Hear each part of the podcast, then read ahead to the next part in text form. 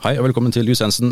Jeg er eh, Knut Kaustad, og sammen har jeg med meg Kjell Ove Ernes, som eh, i dag skal snakke om arbeidsrettslige temaer. Og nå er det faktisk kravet til det fysiske arbeidsmiljøet vi skal ta for oss.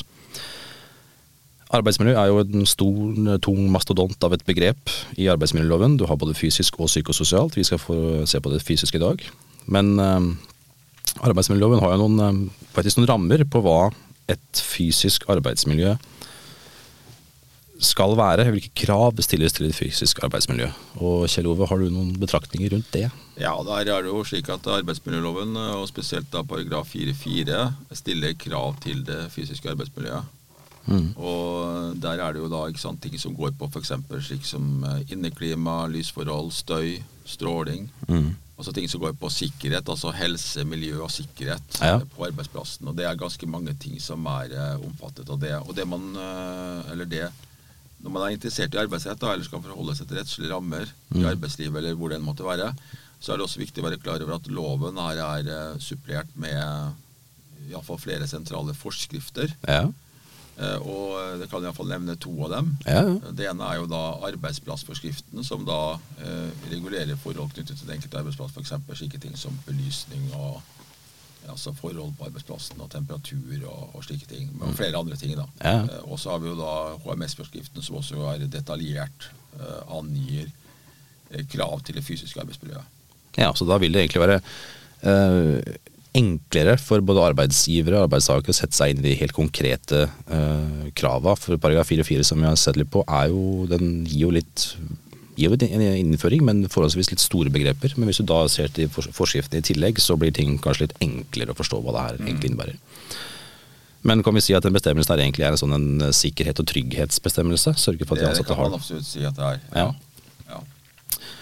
Det her er jo um, er, Paragraf 4-4 er jo en stor, um, stor bestemmelse som favner over egentlig hele arbeidssektoren, men vi har jo noen um, noen sektorer som jobber med f.eks. biologiske og kjemiske ting. De har jo egen bestemmelse i paragraf 4-5 som også går på kravene der. Det, det, stemmer også. Og det er klart at uh, den, disse bestemmelsene er jo begrunnet litt ut fra at uh, altså igjen dette med helse, miljø og sikkerhet, og mm. at enkelte ting som uh, er, er, farligere enn andre, har sagt. Og det med f.eks.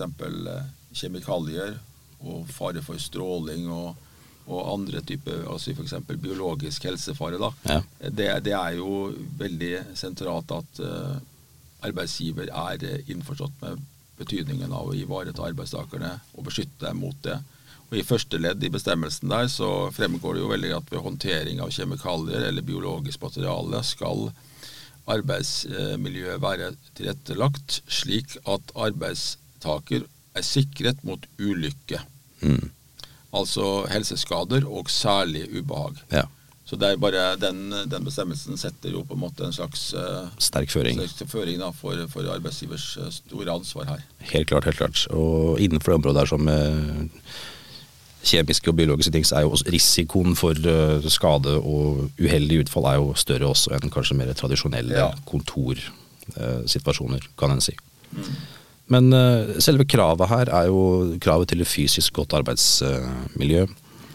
er jo ofte noe man mener er et lederansvar. Og, men er det kun et lederansvar, eller er det noe de ansatte også må forvente at her må du bidra sjøl inn til at du skal få, ha et godt fysisk arbeidsmiljø?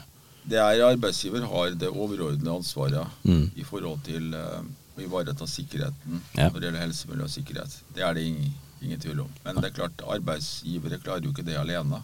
Nei.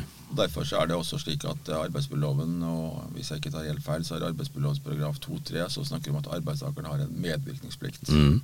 Og Det betyr at arbeidstakeren også må, eh, er pliktig til å følge de regler som gjelder for virksomheten med hensyn til verneutstyr, og følge de sikkerhetsanvisninger som er gitt. Og arbeidsgiver og andre som har oppsyn med arbeidsplassen, skal om nødvendig da nekte arbeidstakere adgang til bestemte deler av lokalet dersom faktisk ikke sikkerhetsbestemmelsene følges. Akkurat. Så her er det flere som bærer et visst ansvar inn i, inn i materien. Men så greit.